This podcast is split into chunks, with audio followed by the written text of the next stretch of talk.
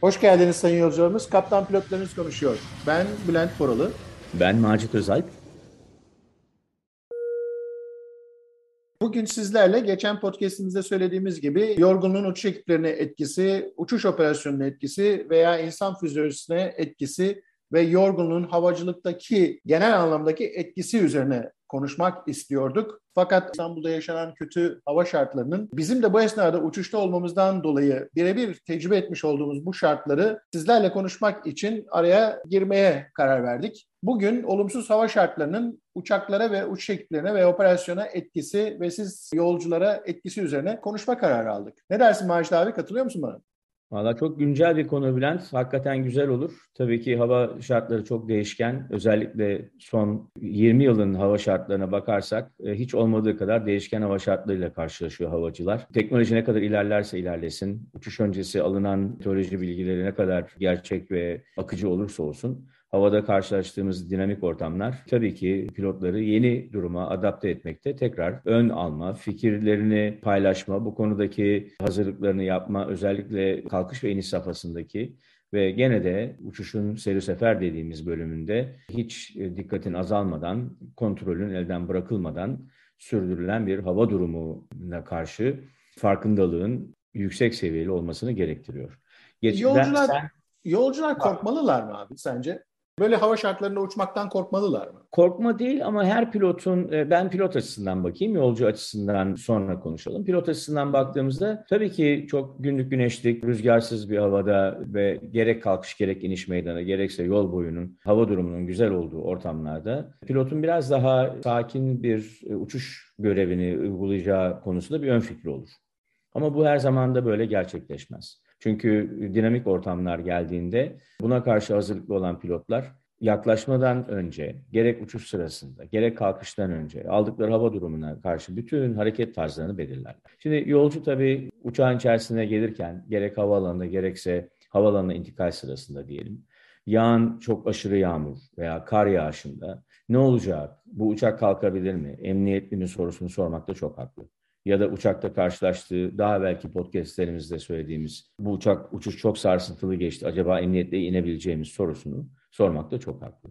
Ama unutulmaması gereken bir şey var. Bizim havacılar olarak bu tür hava şartlarına karşı eğitimlerimiz hiç durmadan devam ediyor. Bu eğitimlerin sürekliliğinin olması, ve bu pilotların da uçuş tecrübelerinin arttıkça zaten uçuş ekiplerinin üzerinde tecrübeli ve tecrübesiz pilotların mutlaka bir kombinasyonu yapılıyor ki kokpitte aynı anda uçuşa yeni başlayan iki insanın olmaması tabii ki bu söz konusu. Buna karşı hazırlıkların en fazla olabileceği bir ortam yaratılıyor. Yolcu olarak ben uçarken acaba hava durumundan endişelenir miyim? E, pilot olarak uçtuğum için yolcu olarak uçtuğumda onların neler yaptığını bildiğim için ön tarafta biraz daha sakin olabiliyorum. Buna karşı yol durumu, hava durumu, pilotların almış olduğu eğitim, karşılaşacağımız hava durumuna karşı uygulayacağı kaçınma taktikleri, özellikle bu yüklü havalarda, oraç türü tarif ettiğimiz uçuşlarda sarsıntıların yaratıldığı ve iniş meydanını etkileyen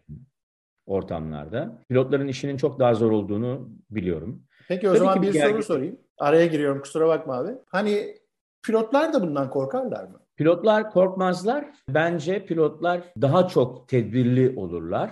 Buna karşı hazırlıklarını iniş öncesi bir saat önce başlayan hazırlık belki iki saate çekilir.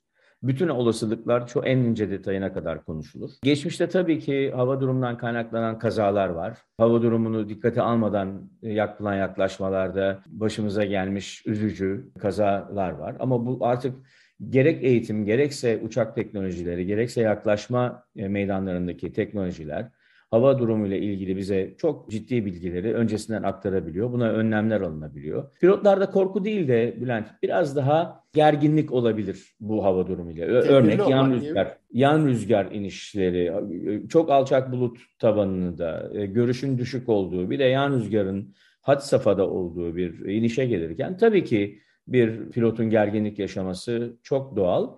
Ama bu aynı zamanda da önlemi getiriyor. O nedenle ben kendi adıma böyle bir gerginliğin ötesinde bir korku yaşadığımı hiç söylemiyorum. Söyleyemem de. Ama bir, böyle bir tedirginlik yaşarsın. Bu çok normaldir. Sen ne diyorsun bu konuda? Katılıyorum söylediklerine. Hani bilmediğimiz şeyler bizi korkutuyor genelde. Biz hava durumuyla ilgili ne olabileceğini, nerede olabileceğini, ne zaman olabileceğini, olursa etkilerinin ne olabileceğine dair algımız ve eğitimimiz yüksek olduğu için ve bunları uçuşumuzu gerçekleştirirken devamlı bunlar üzerine fokuslandığımız için korkudan ziyade buradaki risk faktörünün yönetilmesinin verdiği bir gerginliğimiz oluyor. Normalden farklı bir gerginliğimiz oluyor. Elbette pırıl pırıl bir havada kalkış yapmakla etrafta oraj bulutlarının kümelerinin olduğu bir meydandan kalkış yapmak arasında fark oluyor alert durumu ya da tetikte olma halimizi mutlaka etkiliyor.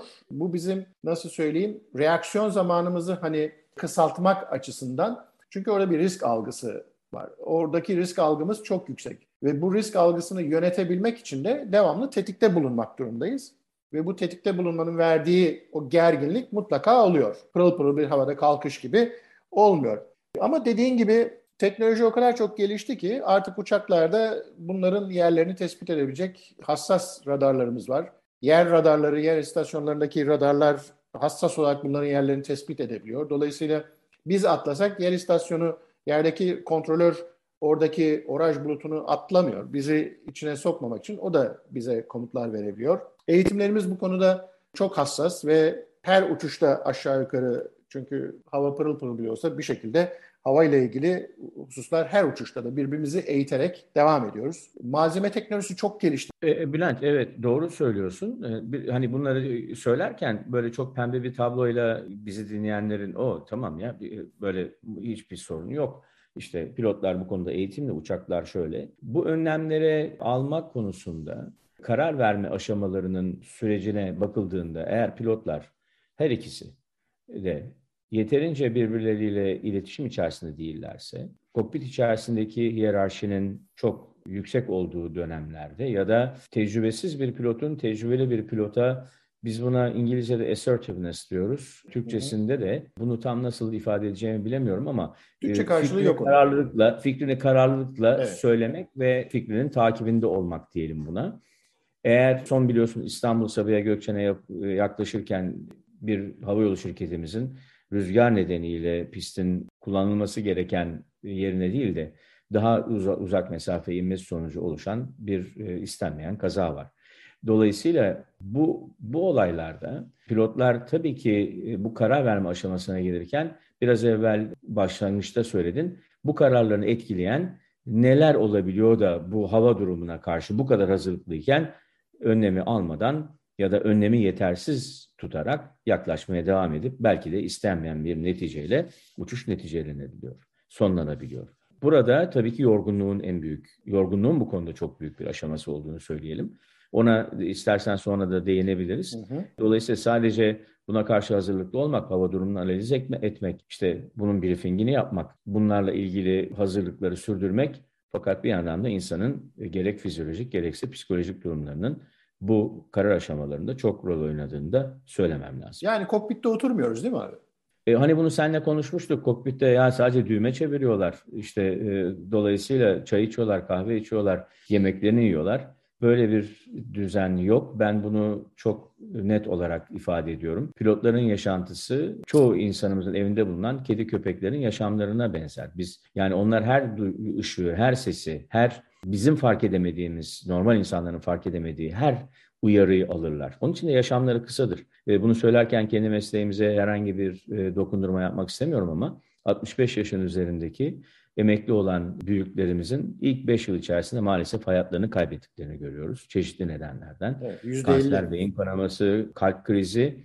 Haliyle bütün bu 5 yılın içerisinde neler var? Geçmişte yaşadıkları 40-45 yıllık devamlı uyarı halinde olma, bir şeyi gözlemleme, o uyarıya karşı yanıt verme. Bunlar bir anda ortadan kalkınca ve maalesef emekliliğe hazırlıkta yeterince olmayınca işte o içerideki baskılanan olaylar dışarıya doğru çıkıyor. Yani bu sonuçta özetle söylemek istediğim bütün bu yaşam içerisinde uçuşun sürdürülebilirliği çok çok fazla faktöre bağlı. Yolcularımız uçağa geldiklerinde giyinmiş iki tane kaptan efendim ve kabin ekibini gördüklerinde bunun arkasında ne kadar derin bir eğitim, faaliyet, faaliyet aile ve kişilik olarak e, verilen emeğin e, olduğunu unutmazlarsa buna gerçekten çok sevinirim diyorum kendi adıma. Bu temennilerine katılıyorum. Duyacaklarına da inanıyorum. Peki o zaman bir soru daha sorayım abi sana. Bugün benim bugün benim soru günüm. evet evet. Yani aklıma geldikçe merak edilebilecek olduğu için soruyorum. Sence yolcu açısından baktığında ya da yolcuların merak edebileceği konulardan bir tanesi olduğu için soruyorum. Kalkışta mı, inişte mi yoksa uçuş esnasında mı kötü hava şartları daha tehlikeli? Bülent, e, istatistiklere bakıldığında genelde uçuşla ilgili olayların kalkış ve inişin yer aldığı yere göre 600 metre bizim havacılık tarifiyle 2000 fit dediğimiz alanda daha çok olduğunu görüyoruz. Bunun da daha çok yüzdesinin de inişe gelirken olduğunu istatistikler söylüyor. Fakat tabii ki bir Fransa Hava Yolları'nın Brezilya'dan kalktığında başına gelen bir hava olayı var. Tamamıyla uçuş sırasında her şey normal seyir irtifası alınmış. Uçak tamamıyla çalışır durumda, sistemleri çalışır durumda ama bu kaza başlarına geldi. Peki bu neden oldu? Özellikle kalkışta ve inişe bakarsak rüzgarın bu bölümde veya hava şartlarının bu bölümde sistemi, uçağı ve e, pilotları daha çok etkileyen koşulları var. Ama inişte benim kendi tecrübem inişte çok daha dikkatli olmamız gereken ve uçağın etkileşim zamanının bu tür hava koşullarına daha çok maruz kaldığı bir dönem var. Çünkü bir iniş yaklaşması daha uzun sürüyor kalkıştan. Kalkışta kısa süreli bir kalkış zamanı var ve sonradan yerden uzaklaşarak emniyet irtifasına doğru tırmanmaya gidiliyor. Ama ben sana şunu söyleyeyim. Çoğu kalkışta özellikle Hindistan'da kalkar kalkmaz verilmiş tırmanma paterni değil kalkar kalkmaz bir hava durumunun bize dikte ettirdiği istikametlere çok seri olarak dönerek birbiri ardına o önümüzdeki hava durumundan kaçındığım benim çok koşullar oldu. Dolayısıyla uçağın büyüklüğü, o andaki süratinin düşük olması, ağırlığı ve karşılaştığın hava durumu senin özellikle kalkış ya da inişte karar verme aşamalarında çok seri kararlar vermeni gerektiriyor. Bunun için de öncesinde zaten bir kalkış öncesi biz piste girdiğimizde önümüzdeki hava radarımızla etrafı kontrol ettiğimizde kuleye e, bilgi vererek biz kalkıştan sonra bu başta veya bu tırmanış paterni yapamayacağız. Hemen acil olarak işte şu istikamete dönmemiz lazım diye bilgi veriyoruz. Onlar da bunu tırmanma radarıyla kontrol ederek, koordine ederek bize bunu sağlıyorlar.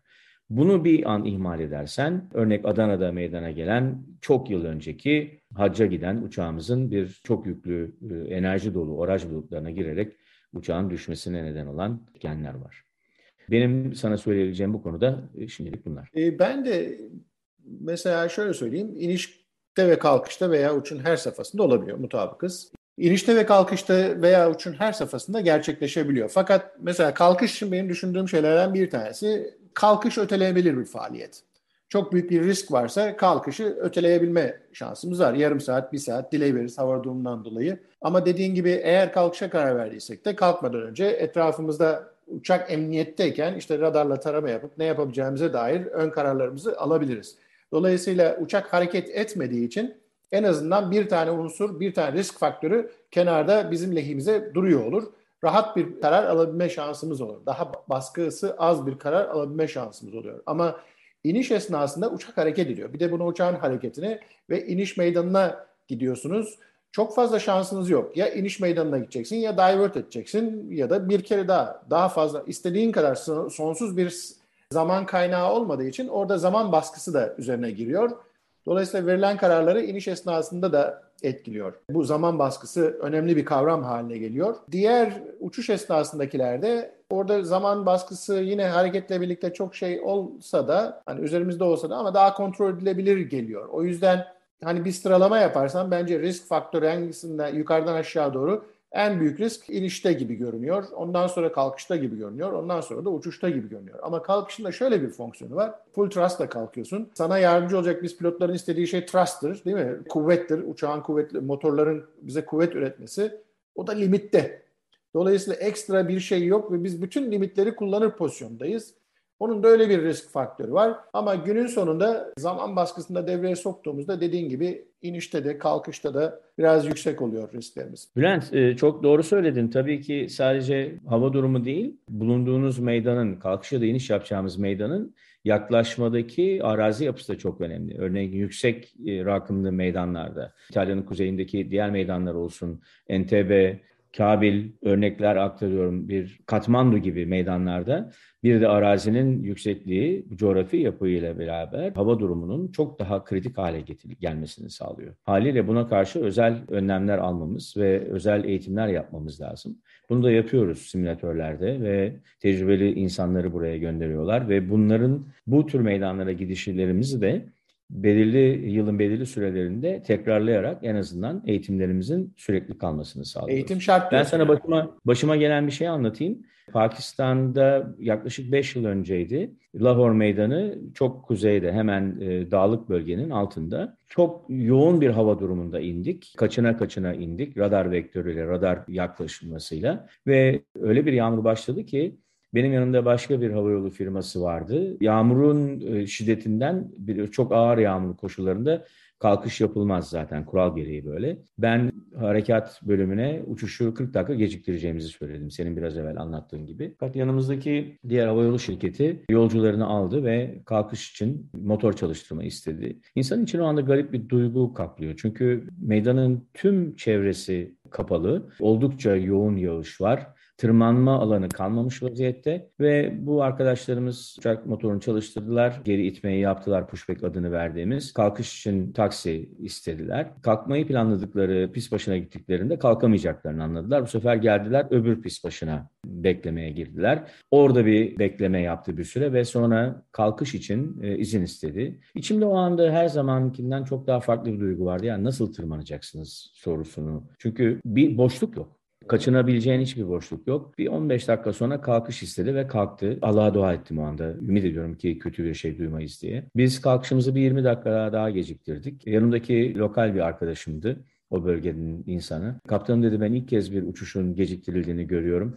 E biz bir saat yaklaşma yaklaşık gecikmeli kalktık. Kalkışta bile gene etrafımıza baktığımızda kaçınabileceğimiz çok küçük alanların olduğunu gördük ve ben meydan üzeri tırmanarak bu bulut kesiminden uzaklaştım. Dolayısıyla bazen kararlarınızı karar verme süreci çok dinamik, hiç durmadan değiştirerek en doğru sonuca ulaşmaya çalışıyoruz. Biz kimin doğru olduğuna değil, neyin doğru olduğuna ulaşmaya çalışan bir eğitim eğitimli bir grubuz. Bunun için uğraşıyoruz. Bunun adına da İngilizce'de CRM adı veriliyor. Kokpit işbirliği, sadece kokpit değil, kabin işbirliği. Tabii Yolcunuza briefinginizi yapıyorsunuz, kabinize briefinginizi yapıyorsunuz. Nasıl bir hava durumuyla karşılaşacaksınız?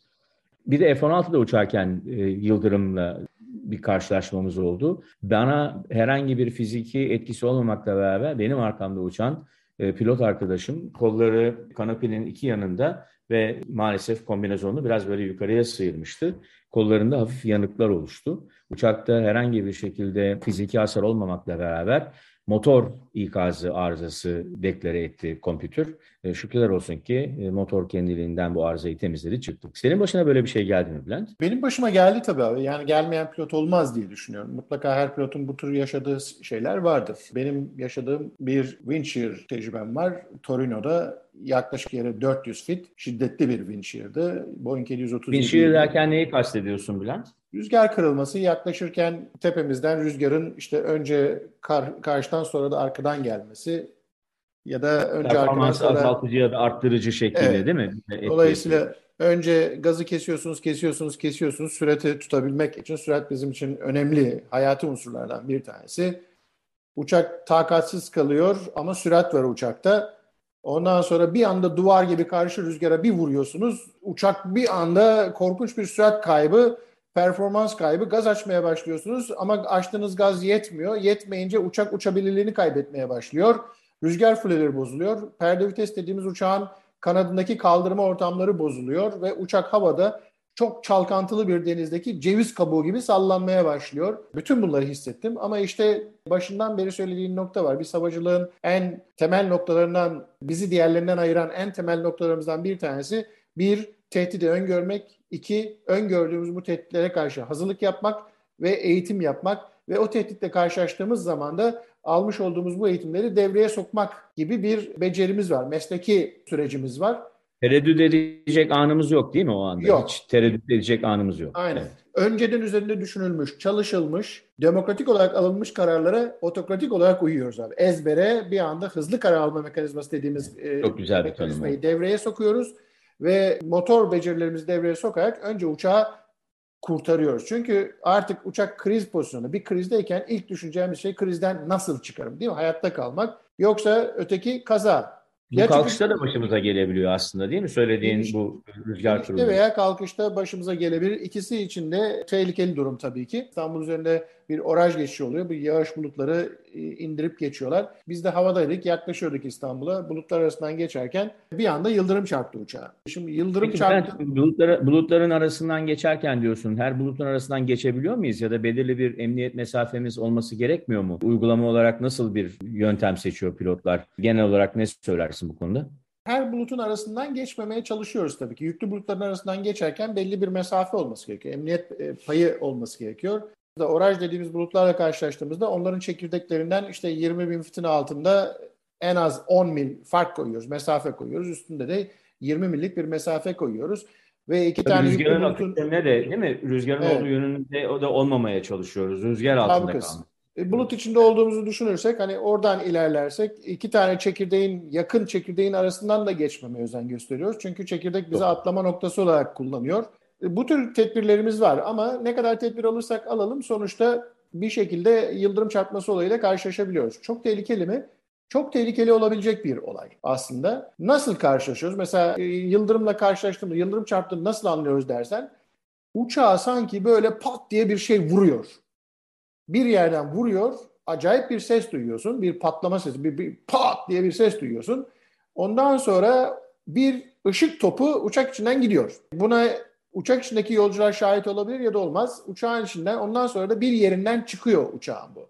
Beklediğimiz uçağın bu elektriği boşaltma noktaları, statik elektriği boşaltma noktaları var. Oralardan çıkmalarını bekliyoruz ama oralardan çıkmayıp gövdenin herhangi bir yerinden çıkabiliyor. Bizim için o yıldırımın çıktığı yeri bulmak önemli hale geliyor. Orada yapısal hasarlar bırakabiliyor. Çünkü yüklü bir enerji Oradaki elektriğin çıkış esnasında yakması, eritmesi, oradaki yüzeyde mekanik ya da yapısal hasarlar bırakabiliyor olması. İşte motordan çıkarsa motorun elektronik sistemine zarar verebiliyor. Gövdeden çıkarsa çıktığı gövdede perçinleri yakabiliyor. Gövdede yapısal veya e, sistemlerde elektronik hasarlar bırakabiliyor. Çarpar çarpmaz tabii ilk yaptığımız şey uçağımız uçuyor mu ona bakıyoruz. İlk temel noktamız uçağımız uçuyor mu? Motor saatlerimiz ne durumda? Görüntüde bir şey var mı? Kumandalarımız uçağı kumanda etmeye devam ediyor mu? Şeklinde. Biz de bütün bunları yaptıktan sonra baktık her şey normal. Normal yaklaşık. Bunu rapor ediyor musun kuleye Bülent? Böyle bir şey olduğunda bize şu irtifada yıldırım çarptı, şöyle oldu falan cinsinde bir bilgi aktarımı yapıyor muyuz? Bu bilgi aktarımını yapmak mecburu değil. Yapılırsa tedbir anlamında diğer uçaklara bilgi vermek anlamında, PIREP anlamında, pilot raporu anlamında faydalı bir bilgi. Çünkü ne kadar yaklaştığınıza bağlı. O kadar spontan bir şey ki bu nasıl söyleyeyim gerçekleşme ihtimali her gelenin orada karşılaş, karşılaşabileceği bir olay değil. Ama bulut içinde yıldırım çarpmasıyla karşılaşıyorsanız normalden farklı yüklü olduğunu daha yüklü olduğunu göstereceği için diğer uçakların da tedbir alması açısından ya da kendilerini zihnen hazırlamaları açısından kıymetli bir bilgi. Durumsal farkındalığımızı arttırmak için evet, pilot olarak. Evet. O yüzden o anlamda nice to have anlamında diğer uçakların da bilmesi gereken bilgilerden bir tanesi. Biz de baktık her şeyimiz normal, motor saatlerimiz normal, uçuş saatlerimiz normal, kabin tazimizle ilgili bir sıkıntımız yok, motorlarımız normal. Uçak içinde zaten oradaki ışık hızması, hüzmesinin geçişi yolcular tarafından da fark edildi. Emniyetle geldik, indik. Bir sıkıntımız olmadı. Ama indikten sonra baktık ki uçağın burun iç takım kapağında işte ilk çarptığı yer orası. Orada hafif yanıklar var. Çıktığı yerlerde 15-20 tane perçine zarar vermiş. E, bu pencereden bakınca şimdi uçak ground oluyor tabii. Ground oluyor dediğim ilgili teknisyenler, ilgili mühendisler tarafından uçağın kontrol edilmesi, yıldırım çarpmasında yapılacak işlemler var. O işlemlerin gerçekleştirilmesi ve gerçekleştirildikten sonra da uçağın tekrar uçabilirliğine dair bize rapor vermeleri gerekiyor ki uçağı tekrar uçurabilelim. Çevremizdeki arkadaşlarımız, dostlarımız şöyle bir soru.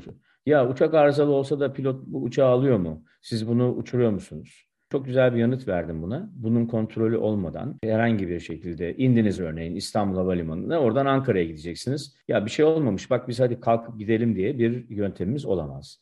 Söylediğin mantıkta uçağın tüm uçabilirlik kontrollerinin yapılması lazım. İlla böyle bir bir olayla karşılaşmamız gerekmiyor. Burada bunu vurgulamak isterim. Hiçbir pilot, hiçbir pilot bir arızalı uçağı kabul ederek uçuş görevine başlamaz. Lütfen bu konuda müsterih ve emin olunuz. Bizim de sizler gibi ailelerimiz var. O ailelerimizi uçuş görev sonunda tekrar kavuşmak üzere e, tüm önlemleri alacak bir patern içerisindeyiz. Kimsenin e, canını bilerek, isteyerek başta kendimiz olmak üzere tehlikeye atacak hiçbir boş vermişlik veya bu konudaki kendi egolarımızı tatmin etme gibi bir duygu söz konusu olamaz. Bunu da burada vurgulamak isterim. Daha bu sabah kızım sordu aynısını. Ne yaptınız? Uçağı servise mi aldınız diye hani bakıma mı alacaksınız, tamire mi alacaksınız diye. Ondan sonra ben de evet e, bakımı yapılacak, e, bize verecekler, biz de uçacağız bu uçakla diye söyleyince. Ha uçmuyor mu öyle falan hani e, arızalı uçak nasıl uçsun diye dediğimde siz alıp bunu uçamaz mısınız dediğinde ben de dedim ki ona babanın böyle bir uçakta uçmasını ister misin? Hani arızalı bir uçakta uçmasını ister misin?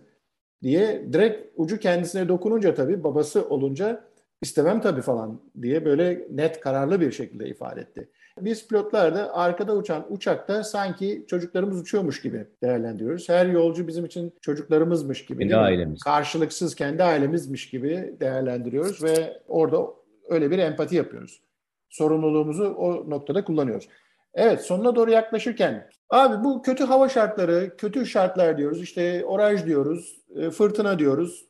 Bu tür hani kötü havaları değerlendirdiğinde hiç böyle seni endişeye sokan bir durum oldu mu? Bülent e, çok güzel bir soru. E, belki hatırlarsın yıllar evvel Cezayir'de seninle uçarken orada Cezayir'in değişik e, meydanlarına inişler yapma durumundaydık. Yaklaşma kolaylıkları istenilen gibi değildi. Hava şartları çok değişken. Yaklaşmanın yapıldığı meydanın çevresel şartları çok çok değişik. Yüksek dağlar var bir istikamette. Bir istikamete yenip o istikametten tersine kalkmak gerekiyordu. Gittiğimiz meydan hava durumunu aldığımız zaman sıra yakıt alarak gittik. Çünkü hava durumu çok iç açıcı değildi. Ve ben orada yaklaşık bir 20-25 dakika bekledikten sonra o meydana inişin e, yapılmasının emniyetli olmadığını değerlendirdim. Çünkü hava radarımız ve verilen meteoroloji raporu inişin e, sağlıklı bir şekilde gerçekleştirilmeyeceğini bana Beklemek ne demek abi bilmeyenler için? Beklemek derken Nerede bekledin? Meydana, o meydanın yayınlanmış ulusal yaklaşma e, kartlarında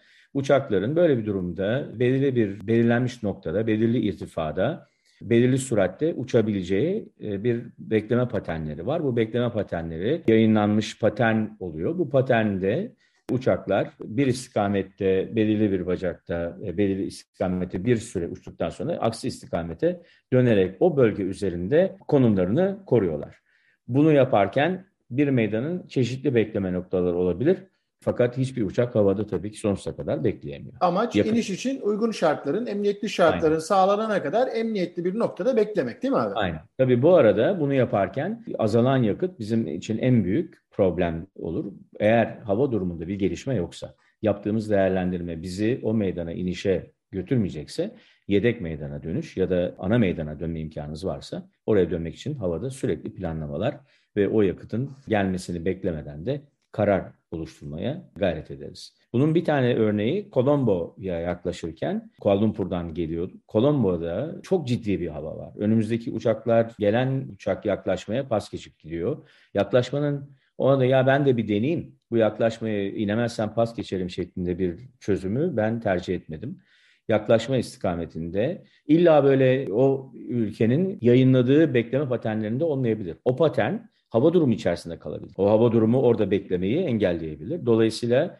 pilotun kendi uçağını ve yolcularını emniyetle bekleme paterninde sokabileceği bir yerde deklare ederek oradaki hava ünitesine, kontrol ünitesine orada bekleme yapılabilir. Yani Burada, dolayısıyla pilot olarak kendimiz de inisiyatif kullanabiliyoruz değil mi abi? Kesinlikle, kesinlikle. Yaklaşık yarım saat beklemeden sonra genelde bu tür hava e, durumları 20-25 dakika içerisinde etkilediği meydandan ayrılırlar. Bunu biliyoruz. Bu da bir bilgiye giriyor. Dolayısıyla e, hava durumu hakkındaki bilgi sahibi olmak çok önemli. 25-30 e, dakika sonra hava durumu sadece yağmur şeklinde e, bir etki bıraktı ve emniyette inişimizi tamamladık. Dolayısıyla bir tanesini kalkıştan geciktirme ya da kalkmama ya da inişi iptal etme, başka meydana gitme ya da bekleyerek yakıtımız müsaitse o meydana inişi yapabileceğimiz bir kararı verene kadar iki pilot olarak bunun tüm detaylarını irdeliyoruz. Benim burada vurgulamak istediğim başka bir şey var. Zannederim sonuna doğru geliyoruz. Hı hı. Bütün bunlar olurken hani sordun ya kalkış mı iniş mi diye daha tehlikeli. Kalkışta pilotlar daha taze, yorgun değiller.